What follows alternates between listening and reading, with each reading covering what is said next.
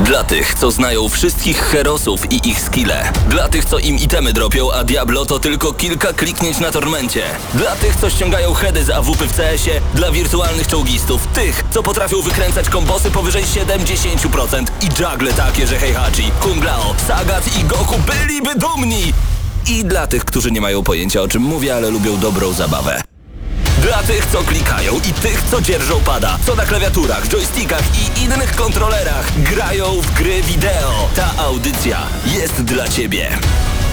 Gramy na maksa w każdy wtorek o 21.00 tylko w Radiu Free. Begin again in the night. Let's sway again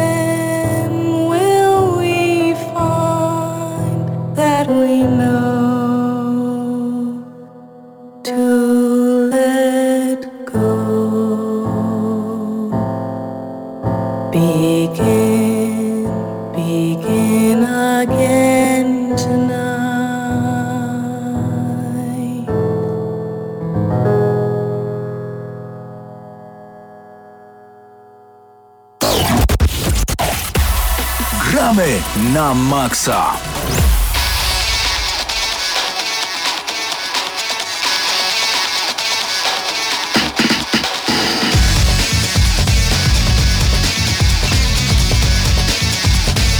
Minęła godzina 21 e, w Radiu Free i oczywiście jak to wtorek, jak to godzina 21, to też i gramy na Maxa. Razem ze mną w studiu są Patryk Ciesielka, Mateusz Demo. No i ja jeszcze się przedstawię, Mateusz Świdut przed mikrofonem. Panowie, mm, standardowe pytanie jak co tydzień, czyli e, w co ostatnio graliście? A na pewno było tego sporo, bo okres e, w sumie tak naprawdę bardzo gorący, kolejne premiery. W ciągu tygodnia pojawiają się dwie, trzy, nawet cztery gry mm, e, na, na, na platformach, na konsolach, na PC-tach, na Steamach, Originach i tak dalej, i tak. Tak więc co u was się kręciło w czytniku? No i ja z tego względu, że yy, nabyłem Overwatcha jakoś dość niedawno, a jest teraz ten okres halloweenowy, także w każdej grze zaczynają się jakieś eventy, dostajemy dodatkowe, dodatkowe rzeczy, nowe skórki do naszych broni, postaci, to uznałem, że no jednak pogram trochę w tego Overwatcha. I szczerze powiedziawszy rozczarowałem się tym eventem, bo składa się on tak naprawdę z jednej mapy, znaczy tak jedna mapa jest taka głównie promowana i z tego jednego trybu, który polega na tym, że idą na nas inne robociki i my musimy nie pozwolić im dojść do bramy. I to jest wszystko, nawet, nawet te takie jakby mini bossy, które tam nas zaczynają atakować po iluś tam falach, to są y, zwykłe postacie z Overwatcha. To nie jest żaden jakiś nowy boss, jakieś coś takiego bardziej ambitnego, tylko to są po prostu te same postacie, tylko że mają nowe skiny, które też oczywiście można wydropić w grze. I to jest też ten sam tryb od dwóch lat na Halloween w Overwatchu. Więc to tego nie wiedziałem, No to już jest. ale właśnie i teraz chciałem też y, powiedzieć, że no nie podoba mi się to zupełnie i z tego powodu y, chciałem porównać y, grę darmową, która jest y, tylko i wyłącznie na PC od Valve. Jest to Team Fortress 2. I pamiętam, że te eventy były takie właśnie bardziej ambitnie skonstruowane. Te mapy miały jakieś tam, y, były załóżmy połączone z dwóch map, były jakieś tam portale, dodawali jakieś tam moce dodatkowe, y, bo w Team Fortress nie mamy żadnych mocy. Mamy po prostu zwykłe bronie i, i tyle, tak? I się strzelamy. Tam zależnie czy to jest rakietnica, granatnik, snajperka, łuk, wszystko tam jest.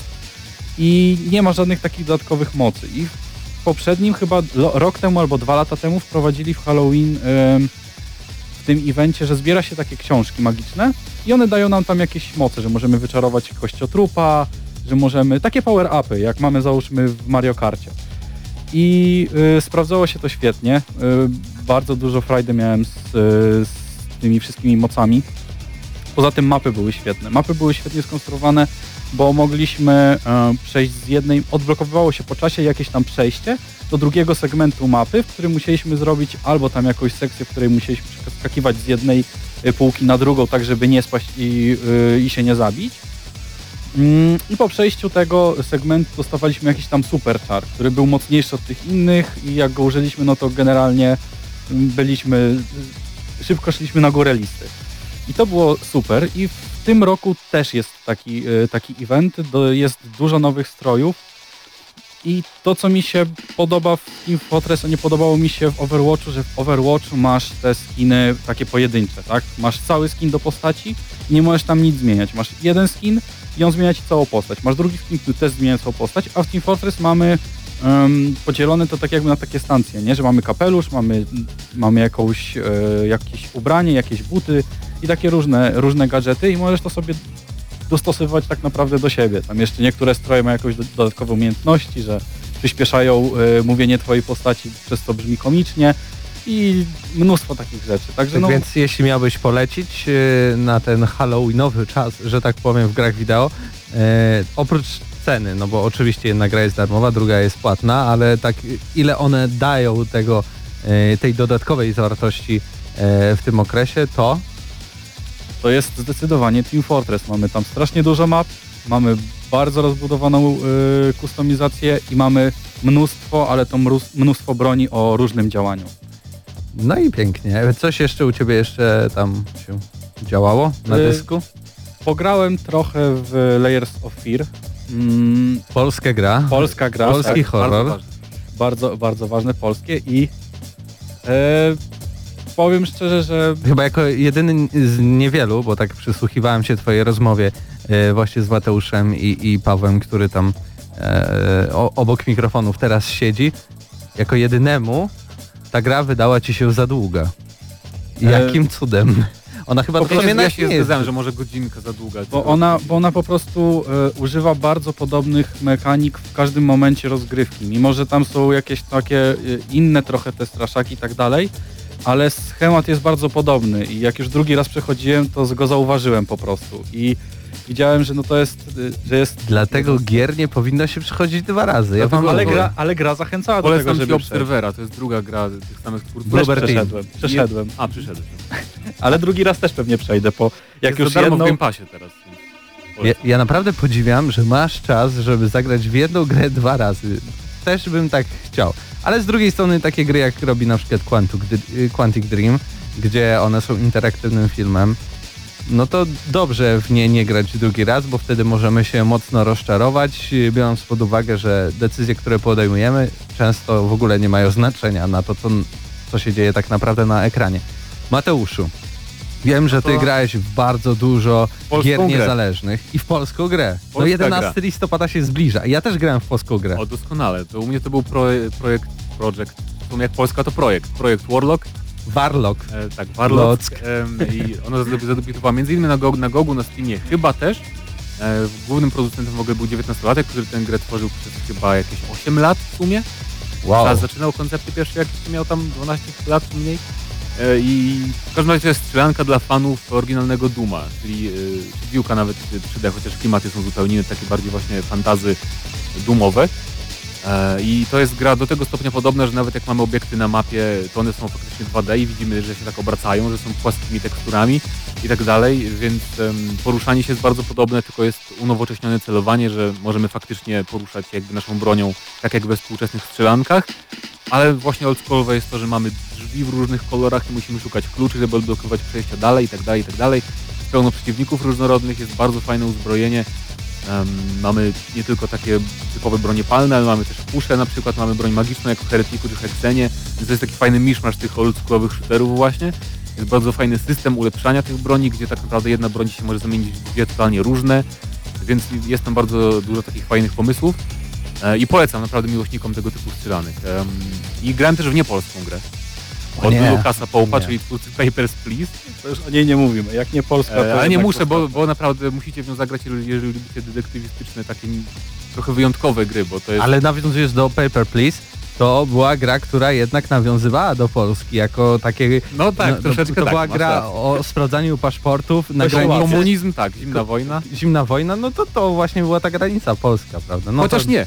E, W grze, o której mówię, Return of the Obra Dinn, e, to jest gra, gdzie jesteśmy agentką ubezpieczeniową, troszkę też de- detektywem. Musimy zbadać sprawę statku, który przybił do portu bez załogi, tam w ogóle był uznany za zaginiony. I tam sprawdzamy, dlaczego, jak w ogóle załoga zaginęła. Jest tylko na początku jedno ciało na pokładzie. Mamy takie magiczne urządzenie, które sprawia, że się przenosimy do wspomnień jakby tego, kto umarł. I potem tym sposobem jakieś tam, bo to jest, są elementy fantazji, czyli pojawiają się potem inne ciała. I mamy spis wszystkich e, marynarzy i tam załoga to 80 parę osób.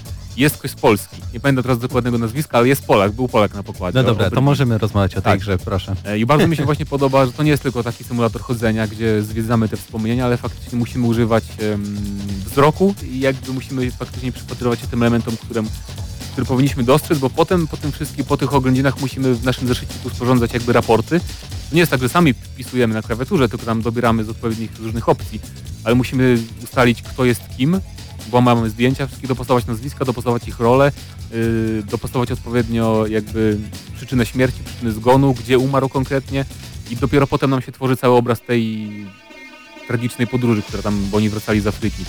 I tam się działy bardzo różne rzeczy i poznajemy tę całą historię jakby od końca, co się działo.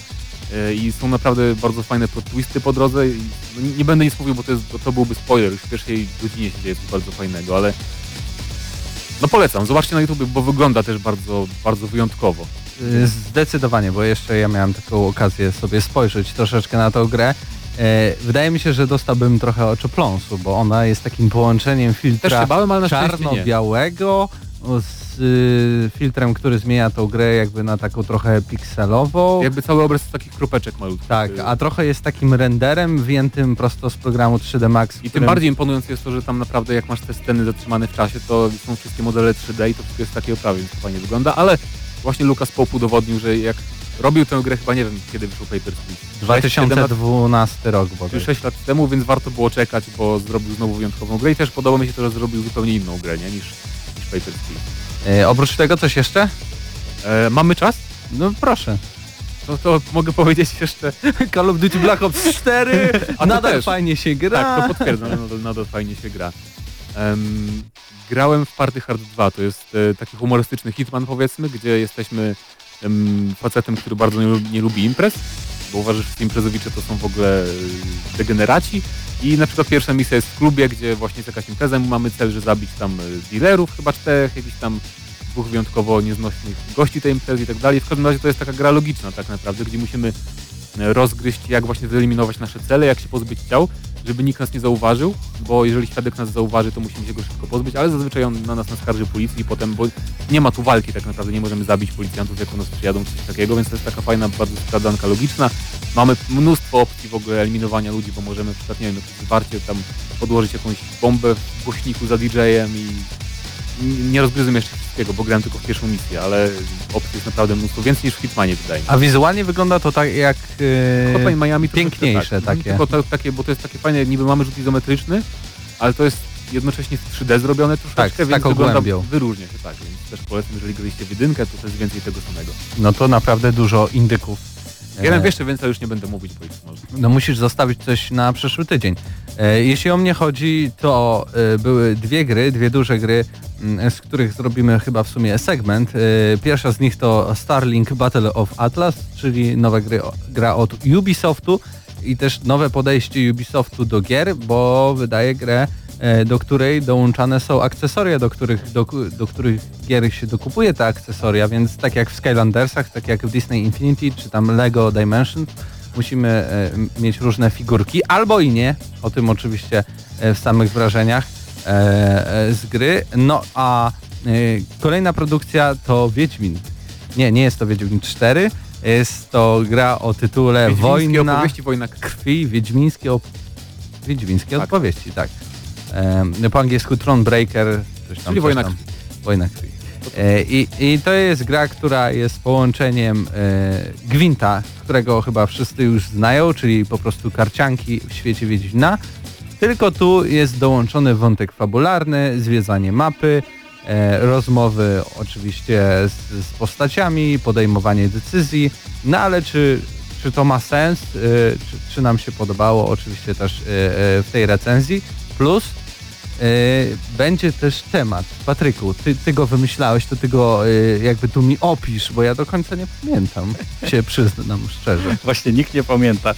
Chciałem, chciałem powiedzieć, e, jako że jest teraz taki okres taki przedhalloweenowy i zaczyna coraz więcej, tak jak powiedziałem, tych eventów e, w grach się pojawiać, mm, to chciałem porozmawiać o tym, czy długość gry, długość horrorów e, jest e, do końca dobra dla nich. Czy po prostu nie psują one klimatu grze.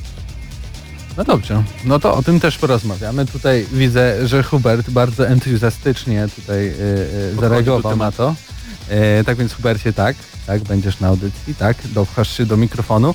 No a my zanim przejdziemy do tych wszystkich pysznych i wspaniałych rzeczy, posłuchamy muzyki z Duke Nukem 3D. A co? Dawno tego nie było, więc e, proszę bardzo, już zaczynamy, już wybieram, już klikam. Mam nadzieję, że będzie świetnie.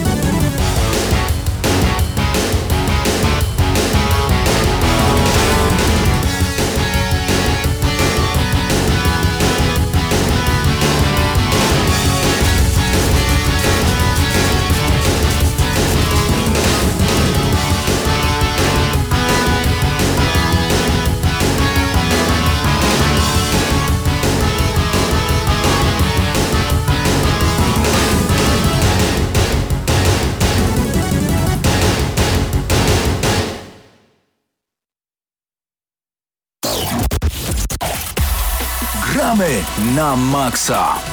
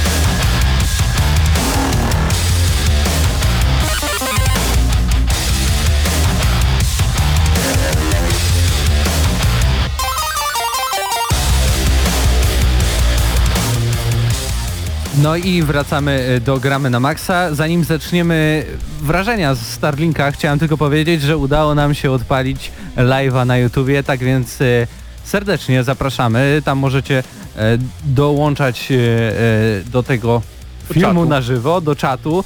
My też tutaj sobie wpisujemy e, YouTube. e, YouTube. Tom, ty wpisuj, ty wpisuj, ja przypomnę, że będziemy teraz rozmawiać o grze Starlink Battle for Atlas, czyli nowej grze Ubisoftu, która ukazała się w ubiegłym tygodniu. Tak, tak, tak. bodajże. I jest to dosyć gra wyjątkowa, bo tak jak powiedziałeś, jest, są tu wykorzystywane figurki i to jest dosyć sprytnie zrobione, ponieważ e, niezależnie na jaką platformę kupujemy, to mamy taką nakładkę napada.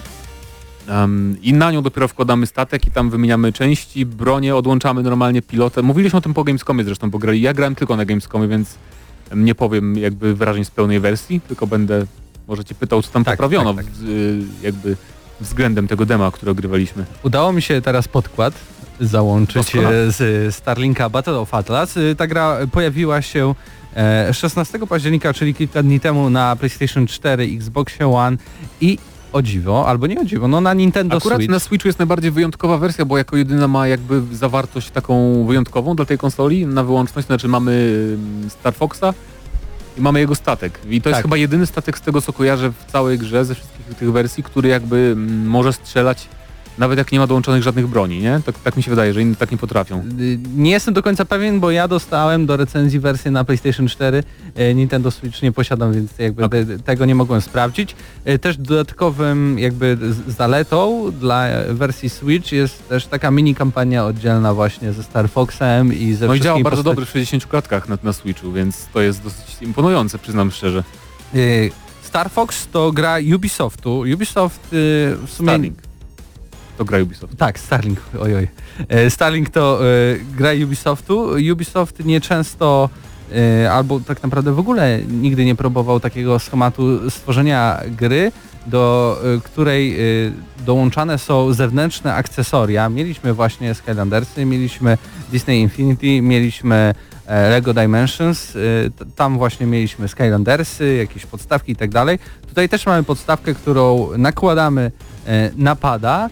E, Do tej podstawki podłączamy statek, do statka e, wkładamy odpowiedniego kapitana, kapitanu ma, kapitan Mają różne umiejętności, tak, tak? y, te mają różne postacie. umiejętności i jest ich y, cał, całkiem sporo. No i oczywiście bronie, które możemy w statkach wymieniać i też skrzydła możemy wymieniać, tak więc e, I dużo... różne rodzaje broni mają nie tylko różne jakby rodzaj pocisków, bo mamy rakiety, mamy jakieś tam miotacze ognia i tak dalej, ale też mają różne jakby obrażenia od różnych żywiołów.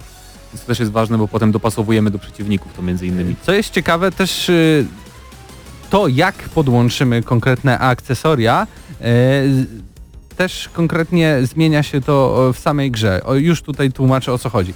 E, W przypadku, kiedy na przykład odwrotnie podłączymy e, skrzydło lub odwrotnie podłączymy e, jakąś broń, to ona rzeczywiście w grze pojawi się jako model statku, który ma odwrotnie podłączone Normalnie działa, nie? Ciekawe. podłączone bronie i normalnie to działa, tylko że no trudno No się raczej dobrze. gra strzelając do tyłu.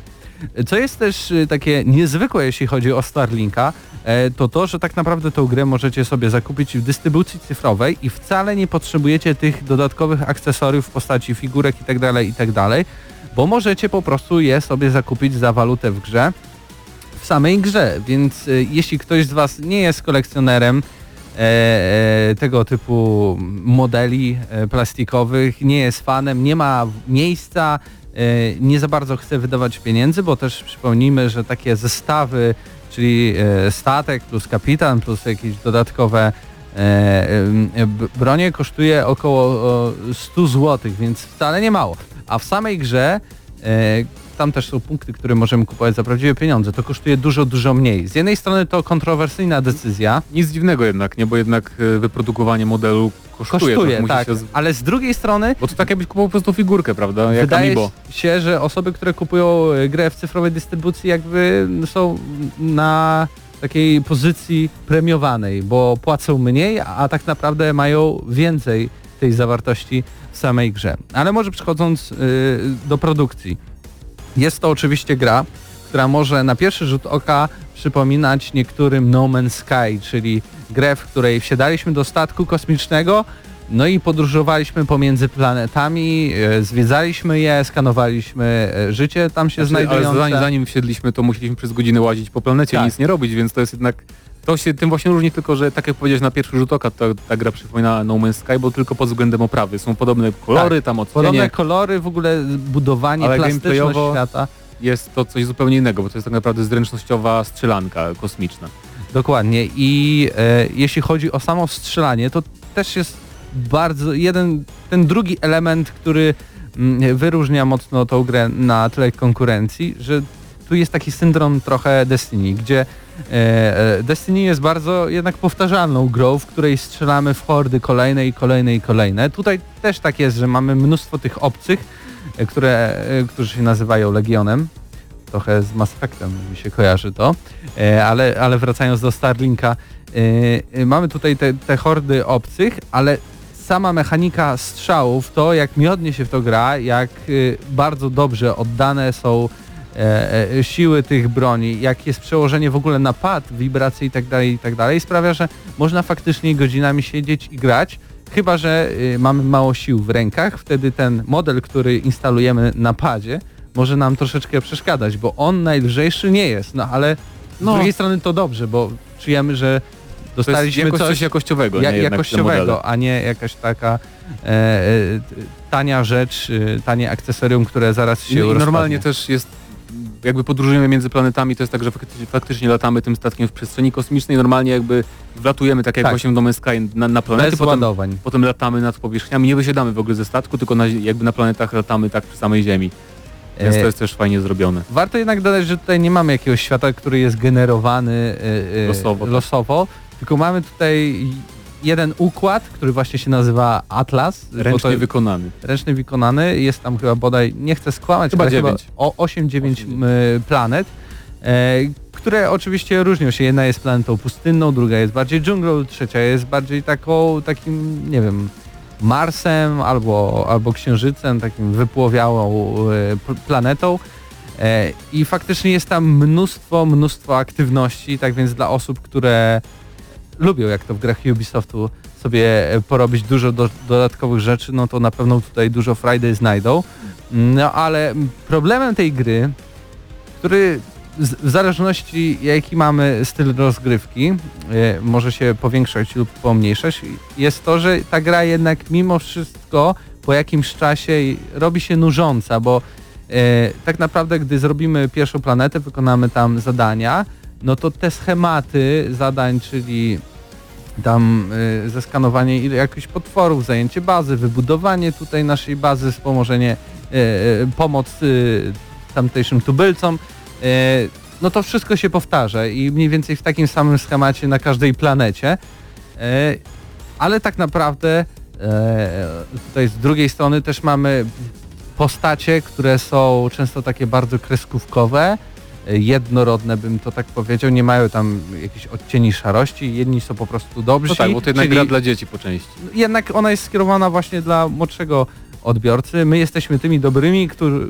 którzy chcą uratować świat przeciwko tym, temu złemu, y, y, wielkiemu legionowi, który chce po prostu zgarnąć całą galaktykę i rządzić. No i, i, i tak można sk- skrócić całą kampanię fabularną.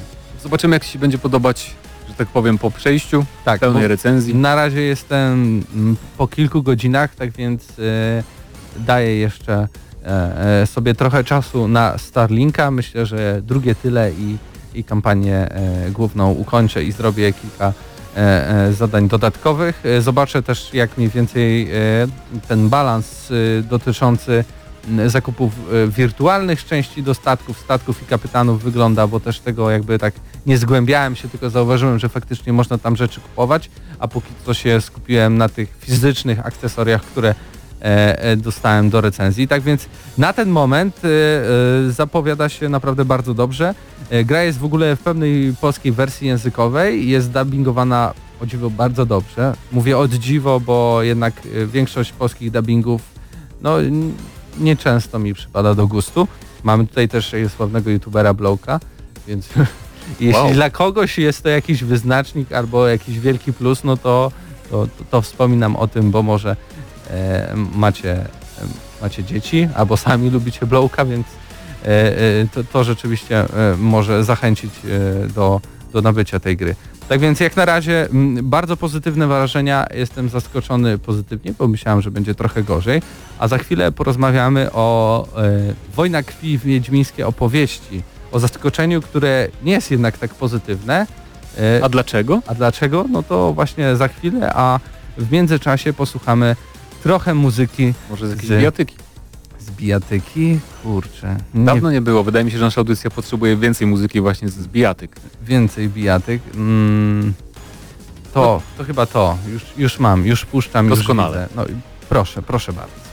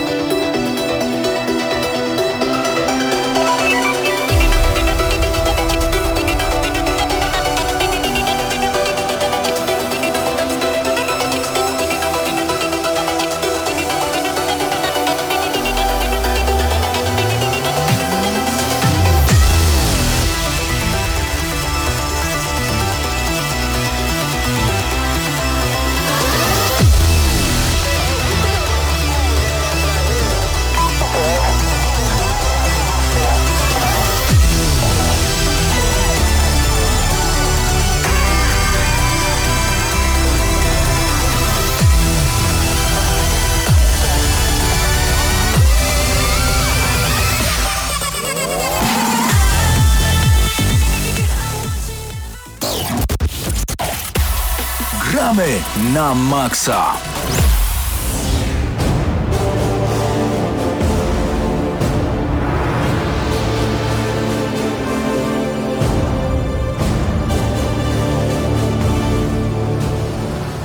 Wgramy na maksa czas na wrażenia z Wojny Krwi Wiedźmińskie opowieści, e, czyli tak naprawdę nowej gry od CD Projekt Red. E, pierwotnie miał być to dodatek e, do Gwinta. E, przypomnijmy, Gwint to jest taka gra karciana właśnie od twórców Wiedźmina, w świecie Wiedźmina samym też się rozgrywająca.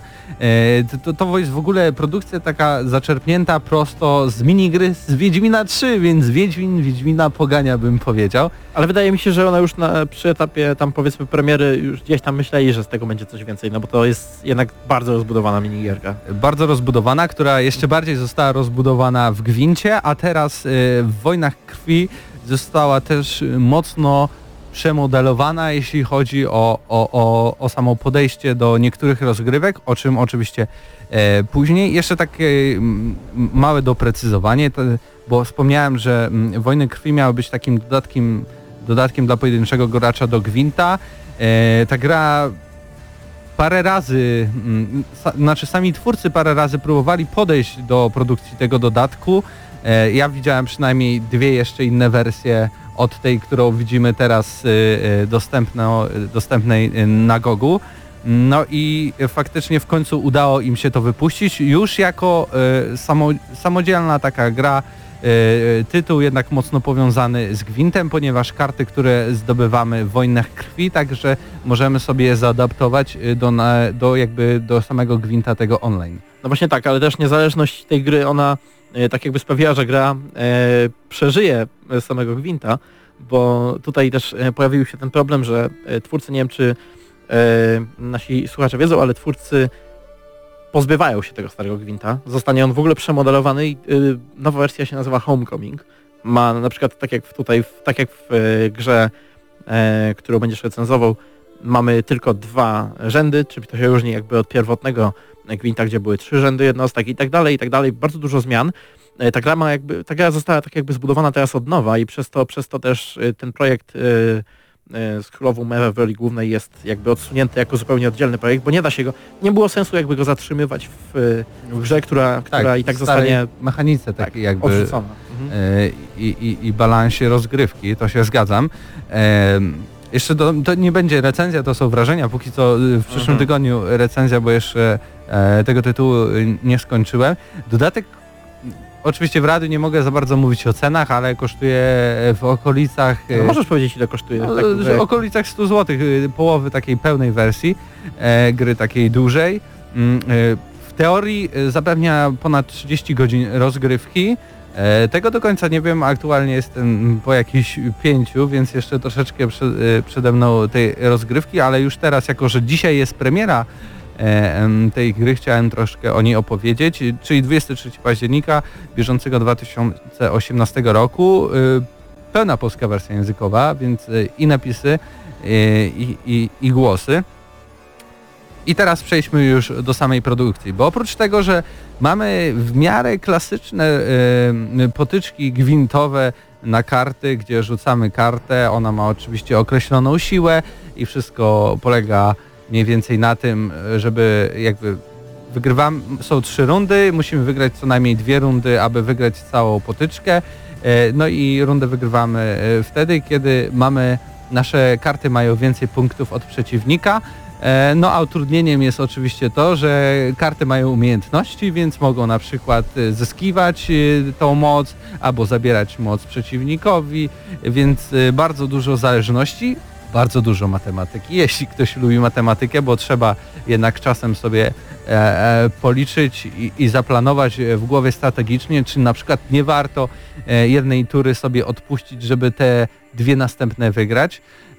No ale mniej więcej, jeśli ktoś grał w Gwinta, to wie czego się spodziewać. Nowością w Wojnach Krwi jest to, że prawie wszystkie potyczki jednak mają scenariusz, a więc nie są potyczką na trzy tury, a są skupione wokół jednej tury, e, i mają określone warunki, które musimy spełnić. Na przykład w jednej potyczce musimy sprawić, żeby wszystkie karty przeciwnika zostały e, z jednym e, punktem mocy czy też siły.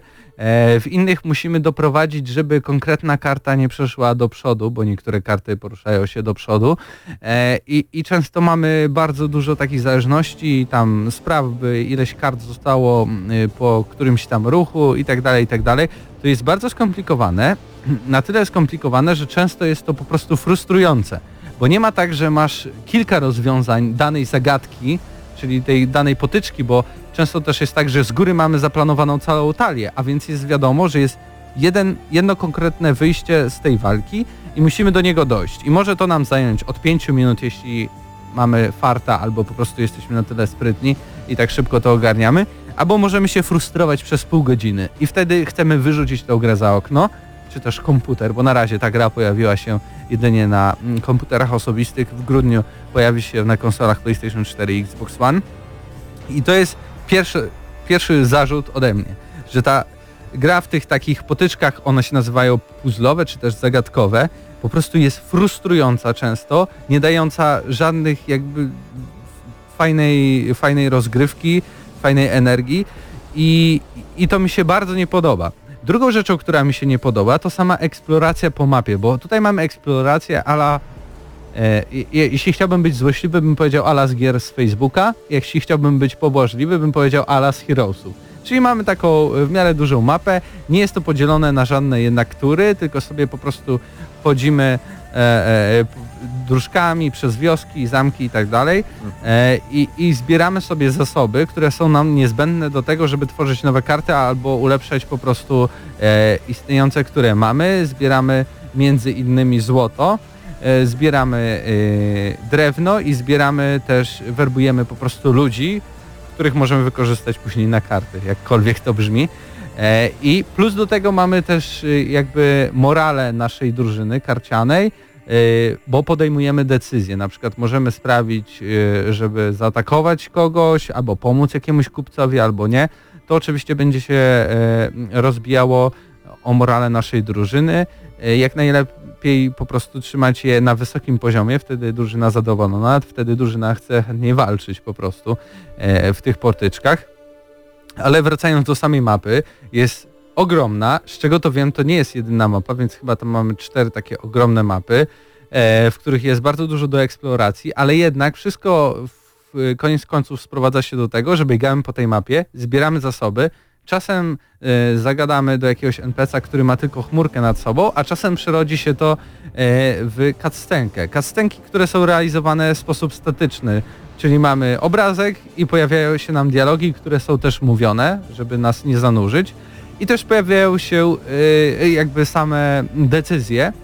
Decyzje, które jednak w ogóle nie mają praktycznie wpływu na to, co się stanie potem. Oczywiście podkreśliłem, że nie przyszedłem tej gry jeszcze i nie jestem aż tak daleko, więc możliwe, że one mają naprawdę jakieś dalekosiężne te, e, de, e, te, te decyzje e, mają swój skutek, ale z drugiej strony rozmawiałem z kilkoma kolegami recenzentami, którzy też wcześniej dostali tą grę i podobno no, po prostu po prostu na nic to nie wpływa. To są takie rzeczy, które okej, myślisz, że podjąłeś jakąś ważną decyzję, a to tylko wpłynęło na to, czy twoja twój moral drużyny wzrósł albo, albo spadł i, i na tym się kończy. A same dialogi, sama fabuła, póki co dialogi są mega proste. Sądzę, że raczej nie pisały to osoby, które były zaangażowane w Wiedźmina 3. Powiedział, że to jest raczej średnio nisko, niski poziom, a do tego sama fabuła, no nie zaskakuje niczym. Czułem się szczerze powiedziawszy, może to jest głupie porównanie, ale na takim konwencie fantastyki, gdzie wszyscy są podjarani, że wow, w ogóle przebierzmy się za postacie Kiedy ty z- człowieku byłeś na konwencie fantastyki? no nie wiem, y, tam na, na larpie, nie, prawda? Gdzie po prostu ludzie... Ale nie, poczekaj, nie, daj mi dokończyć porównanie. To, to nie jest obraźliwe porównanie ani dla konwentu fantastyki, ani dla larpów. Chodzi o to, że ludzie przychodzą, którzy są podjarani daną tematyką i myślą, że jest super fajnie. Wymyślają sobie scenariusze i one są fajne, bo wy robicie to w rzeczywistości, wcielacie się w różne postacie i po prostu jest super zabawa, to trwa czasem nie jeden dzień, nie kilka godzin, a, a nawet kilka dni i, i na tym to polega. A tutaj widać, że ktoś jest fanem Wiedźmina, y, postanowił zrobić wersję taką dla pojedynczego gracza, w sensie Wiedźmina Gwinta ale tak naprawdę nic za tym nie idzie. Te, te dialogi są miałkie, ta fabuła niczym nie zaskakuje, y, jest bym powiedział bardzo mocno, mocno średnia i się dziwię na ten hype, znaczy nie dziwię się, bo, bo Wiedźmin jakby międzynarodowy sukces duży zgarnął, ale jednak to jest i jedna z naj... no to jest najsłabsza produkcja CD Projektu Red. Nie, nie, nie, nie, Póki nie. co Gwint na ten jest moment. najsłabszą produkcją. Dobra, ja to liczę jako gwint z, całością, bo, bo znaczy to, tak, bo to ja, jest nie, jakby... ja nie grałem w Thronebreakera w ogóle, nie? Y- Więc ja nie mam pojęcia aż tak, ale wydaje mi się, że też trochę podchodzisz do tego e, tutaj bardzo negatywnie, a jednak na przykład kwestia tych e, bitew, o których mówisz, tych ustawionych bitew, w których masz e, takie jakby specyficzne zadania, które musisz wykonać. Gdyby cała gra, tak jak e, wspominałeś troszeczkę na plusie właśnie, że, e, bo tam też o tym rozmawialiśmy, e, że, że chciałbyś chyba jednak, żeby te bitwy mm, składały się tylko z tych normalnych rozgrywek, które są dużo ciekawsze. Mimo wszystko By była takiej też singlowej, nużąca. właśnie, Tak, przy tak, takiej ja singlowej rozgrywce, która też ma jakby nie tylko, ona ma nie tylko wprowadzać ludzi, zaciągać, zachęcać do tego nowego gwinta, ale też powiedzmy mm, dawać jakieś troszeczkę rozrywki, rozgrywki, e, rozrywki dla graczy, którzy powiedzmy są weteranami tego normalnego gwinta i też nie chce im się po prostu e, grać w, normalnie w to, co, w co normalnie grają, tylko że z cutscenkami pomiędzy tym wszystkim e, i powiedzmy poruszaniem się po mapie. Więc wydaje mi się, że to są takie Y, Chodzi może w ten sposób o, o balans tego, bo y, póki, póki co grałem, póki co widziałem, to jest tak 8 na, 8 na 10, nie? Masz 8 takich potyczek, które są ustawione, a masz dwie, które są klasycznymi i, i wtedy możesz sobie pograć. Też sam samouczek dużo tłumaczy takich podstawowych, pierwotnych rzeczy, czyli co jest, to jest karta, tu układasz tak i tak dalej, i tak dalej, ale nie uczy samej gry. I wtedy faktycznie te y, potyczki, które są ustawione są z tego wynika ta irytacja, bo ja y, zupełnie nie wiem jak grać. Grałem kiedyś w Gwinta na samym początku, a później w ogóle go nie dotykałem. Podejrzewam, że połowa osób, które gra aktualnie w Gwinta będzie się ze mnie śmiała, że w ogóle co to za koleś, jakiś recenzent opowiada o, o, o Thronebreakerze, to banalne w ogóle potyczki są y, takie, wiesz, może z zamkniętymi oczami przejść.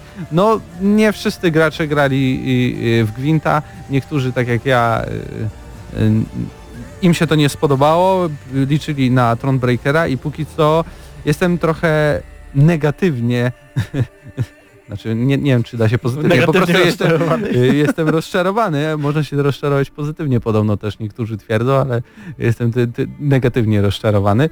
Mm, To może jeszcze o jednej rzeczy wspomnę, jest też, też taki obóz nasz, g- w którym możemy właśnie rozwijać karty postaci, możemy trenować karty postaci, a y, też możemy tam rozmawiać w karczmie y, z kompanami, którzy nam towarzyszą przez całą rozgrywkę i tam jest bardziej takie podejście, no takie jak w Wiedźminie 3, bardziej głębsze są, bym powiedział, nawet te dialogi niż y, w samych cutscenkach. To komu byś właściwie polecił coś takiego?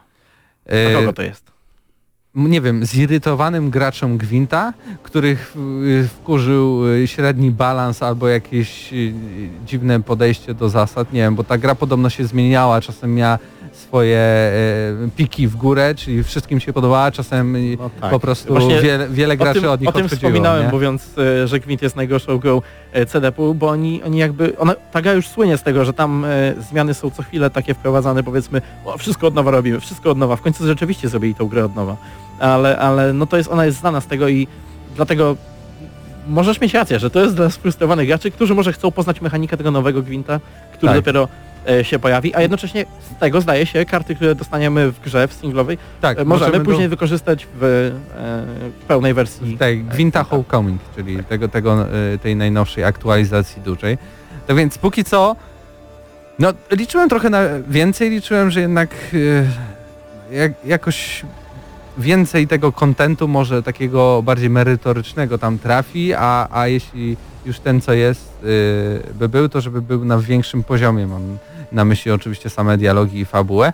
No ale daje jeszcze szansę. Y, Wiedźmin jest bardzo ważną grą dla mnie. Pisałem e, e, między innymi wszystkie prace naukowe o nim, więc bardzo chcę, żeby jakby to co, to, to, co udało mi się napisać nadal było aktualne i jednak to był nasz taki towar eksportowy, który każdemu się spodoba. Myślę, myślę, że taka pomniejsza, poboczna gierka nie, nie zmieni tego.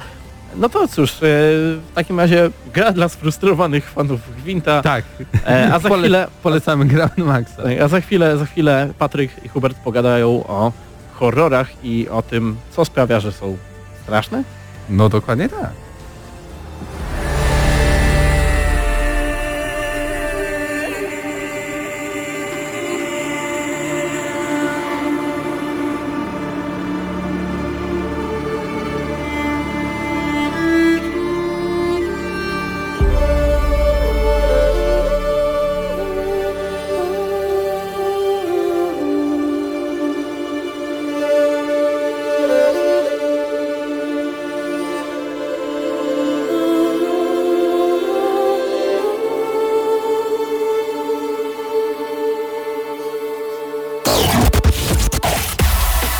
Gramy na maksa.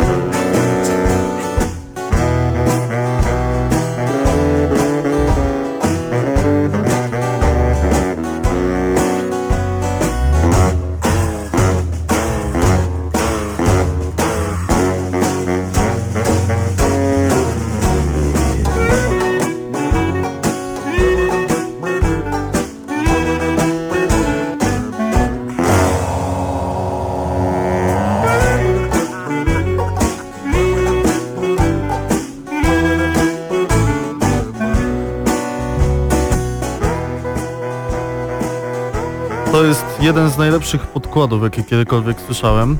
Jeśli chodzi szczególnie o rozmowy na temat horrorów, razem, razem ze mną jest Patryk Ciesielka. Witam. Ja jeszcze nie byłem e, na audycji, jestem Hubert Pomykała. Patryku, bo ty przygotowałeś dzisiaj bardzo ważny temat, o którym musimy porozmawiać jeszcze ściszę. To jest oczywiście melodia z Neverhada. Kto nie grał w grę Neverhad, to jest taka e, gra platformowa, stworzona całkowicie z plasteliny. To znaczy, modeliny. Modeliny, tak. To znaczy wszystko zostało tam stworzone z modeliny i animacje to są po prostu figurki modelinowe, które się poruszają. Tam powstało ileś tam setek kilogramów modeliny zostało wykorzystanych do zanimowania tych postaci. Jeśli znacie na przykład takie animacje jak Wallace and Gromit, to jest coś tego typu. Dokładnie. To jeżeli ktoś jest zainteresowany, to polecam sprawdzić sobie na... Jedna z najważniejszych na przygodówek w historii świata w ogóle. Tak. I te zdjęcia, jak oni to tworzyli, wszystko to jest naprawdę coś niesamowitego. To poszło bardzo dużo pracy. Patryku, bo y, temat, który chciałeś dzisiaj poruszyć, w pewnym sensie jest zupełnie bez sensu, ale w pewnym sensie ma ten sens dosyć głęboko zakorzeniony, którym sobie ludzie nie zdają de facto sprawy, że coś takiego może istnieć. Mianowicie chciałeś porozmawiać odnośnie tego, jak, e, jakiej długości powinny być gry horrory. No i do jakiego doszedłeś wniosku? Yy, znaczy, po pierwsze, dlaczego wysnułem taki wniosek? No właśnie, Ostatnio, ostatnio zdarzyło mi się grać właśnie w to Layers of Fear, Fear yy, o to czym... jest polska produkcja, tak, polski horror. Blueberry Team Mhm. bodajże. I yy, no właśnie grałem sobie w tą grę. Znaczy, no trochę, trochę kłamię, bo nie grałem, byłem jakby obserwatorem z brzegu, także grałem z koleżanką, pozdrawiam serdecznie. Czyli to był taki trochę, trochę let's play. Trochę let's play tak i powiem szczerze, że y, nawet lepiej, bo siadłem tak jakby obok tej gry i nie skupiałem się na samej grze, tylko mm, na tym, co gra reprezentuje. Mhm. I doszedłem do wniosku, że jest tam bardzo dużo takich powtarzalnych y, momentów, powtarzalnych takich y, straszaków i one zawsze w ten, w ten sam sposób wyglądały, że było cicho, Mhm. potem coś się zaczynało dziać Mhm. i było bu. Mhm. I wydaje mi się, że twórcy nadużywają tego bu, tego ostatniego takiego elementu, który ma nas przestraszyć, bo To się momencie- nazywa generalnie w nomenklaturze horrorowej tak, Tak, zwany jumpscare. jumpscare. Czyli moment, w którym film, gra, sztuka przygotowuje nas do tego, żebyśmy się bali i potem nagle boimy się, ponieważ ktoś robi nam po prostu pu. Na takiej zasadzie, jak Tak. ktoś ma czkawkę, to mówimy, Tak. że powinniśmy go przestraszyć. I to jest ten, tak w zasadzie chyba najbardziej prymitywny sposób na straszenie innej Tak. osoby, czyli po prostu nagłe, y, nie wiem, przyspieszenie bicia serca u kogoś innego. Tak. I dlaczego, dlaczego to jest złe? Bo jeżeli mamy tego jumpscare'a, Mhm. to on rozładowuje tak naprawdę wszystkie emocje. Prawda. I nieważne co jest potem, jak mamy tego jumpscare'a, to jest ten taki pik naszego stresu, zdenerwowania i potem... y, Musi nastąpić ulga. Dokładnie. I jeżeli jest on nadużywany, to no, no tak, no, no przestraszymy się tego, tak? Bo to jest głośny dźwięk i to jest coś wyskakuje nam przed ekran. Mhm.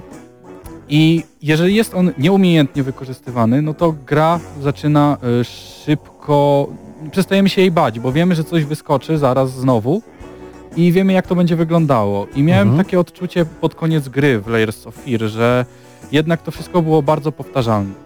I jak grałem w Observera, to jest kolejna gra y, tego, tego studia, Również Polska. również polska, tak, zaznaczmy, y, to już nauczyli się, znaczy wyciągnęli y, Wnioski. wnioski z tego, co zrobili w Layers of Fear Mhm. i już było dużo lepiej.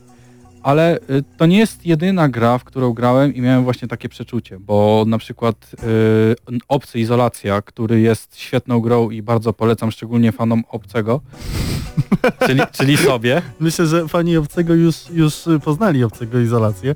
Tak. Tak. czy inaczej to jest, y, to jest gra, w której wcieramy się w pasażera Nostromo, statku kosmicznego i obcy jest, jest obecny i nie możemy go po prostu tam uciukać, że tak, tak, się wyrażę, możemy tylko przed nim uciekać, ewentualnie go przestraszyć, natomiast cały czas czujemy na własnej skórze jego obecność, że on jest gdzieś w okolicy, że on może nam gdzieś wyskoczyć, albo już wpadł na nasz trop i wtedy musimy się chować, kitrać i kombinować. Tak. I właśnie gra była y, zdecydowanie przydługa, bo Mhm. nie dość, że ten, ten ostatni segment to wracaliśmy tak naprawdę przez ten cały statek, to gra nie dawała nam żadnych nowych mechanik. Mhm. Podobnie było też w Rezydencie, gdzie... Właśnie chciałem o tym powiedzieć. Resident Evil 7 w pewnym momencie e, do pewnego punktu bardzo mocno trzymał e, ten, ten element horroru, strachu, e, starał się nawiązywać do klasyki, czyli ten, ten, ten horror, ten strach był dosyć przewidywalny, ale jednak taki charakterystyczny,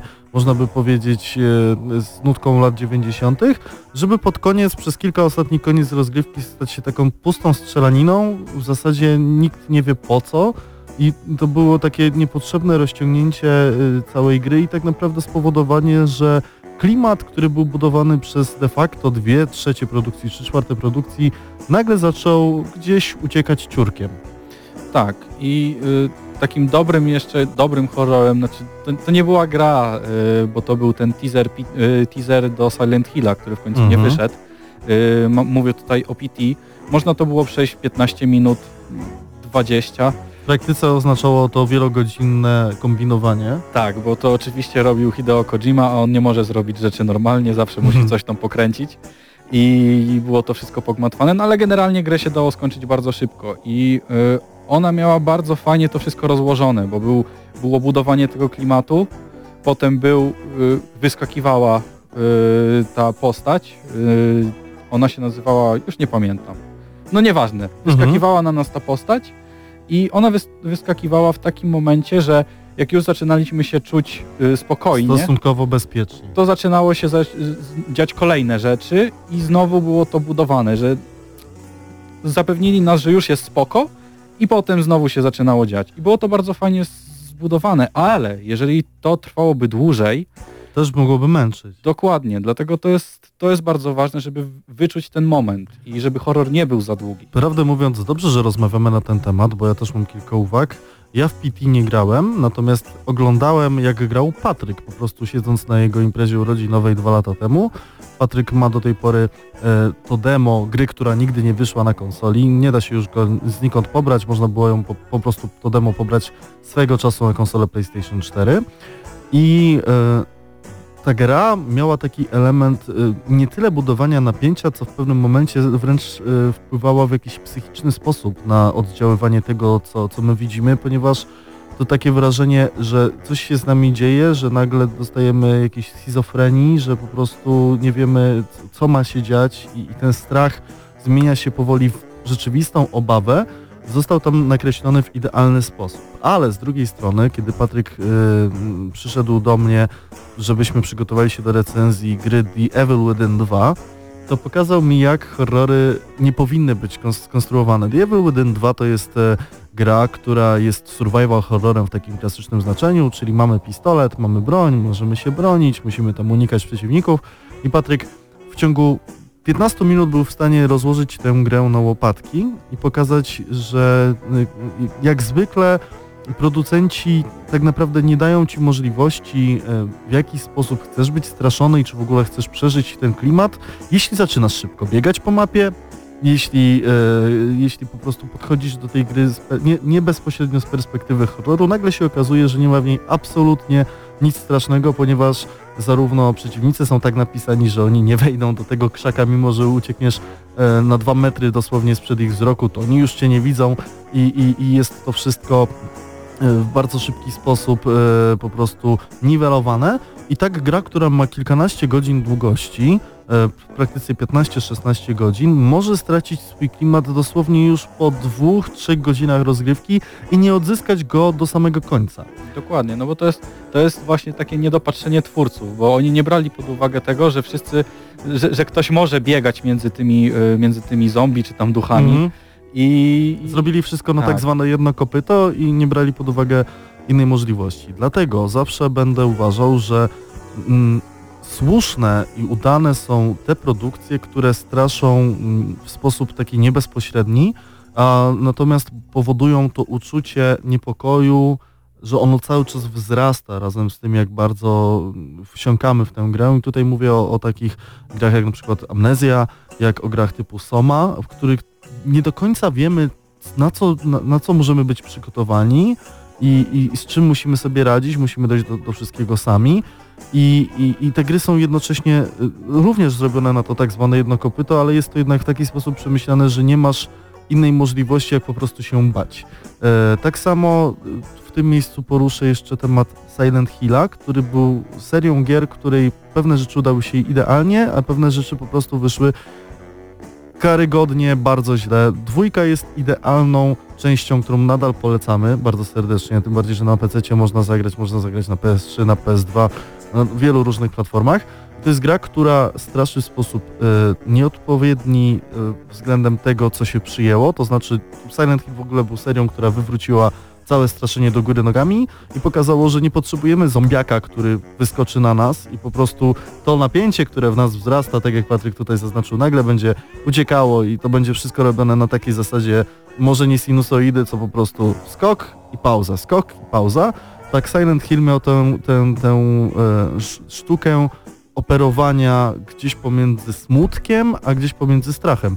Być może jest to jakieś rozwiązanie na to, żeby, e, żeby do horroru na dłużej przyciągnąć gracza, właśnie dodając tam elementy bezpośrednio związane z ludzką psychiką, takie jak smutek, takie jakieś tam cierpienia, no bo nie oszukujmy się, mało kogo w 2018 roku e, zombiak przestraszy, biorąc pod uwagę zylion filmów, zylion gier i tak naprawdę każde e, możliwe rozwiązanie. No jestem, jesteśmy już po czasie, chcesz coś jeszcze dodać? Tak, chciałem tylko jeszcze y, powiedzieć, że jest taki horror wiz- Visage, teraz nowy Wizasz. i y, jest on konstruowany tak jak, jak PT było robione, Mhm. także bardzo go polecam i na sam koniec dobry horror y, straszy nas nawet naszym odbiciem w lustrze czy naszym cieniem. Dokładnie, do, dokładnie tak. Nie potrzebujemy nawet grać w nocą w niego, żeby go po prostu czuć pod skórą przez najbliższe dni. No i skończyła się kolejna audycja Gramy na Maxa, to jest bodajże 573 odcinek. Mateusz Widot już tutaj mi podchodzi, żeby wszystko powłączać. Dlatego się żegnamy. Żegnamy się, żegnamy się. Hubert Pomykała, Mateusz Widut, Patryk Ciesielka, a po drugiej stronie szyby, w drugim studiu jest również Mateusz Danowicz z Eurogamer.pl, także Paweł Stachyra. Dobranoc, trzymajcie się, słyszymy się w przyszły wtorek. Papa. Pa. Dla tych, co znają wszystkich herosów i ich skille. Dla tych, co im itemy dropią, a Diablo to tylko kilka kliknięć na tormencie. Dla tych, co ściągają heady z AWP w CS-ie. Dla wirtualnych czołgistów. Tych, co potrafią wykręcać kombosy powyżej 70% i juggle takie, że Heihachi, Kung Lao, Sagat i Goku byliby dumni.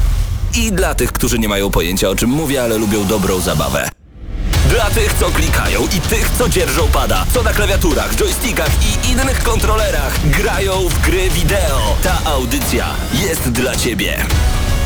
Gramy na maksa w każdy wtorek o 21.00 tylko w Radiu Free.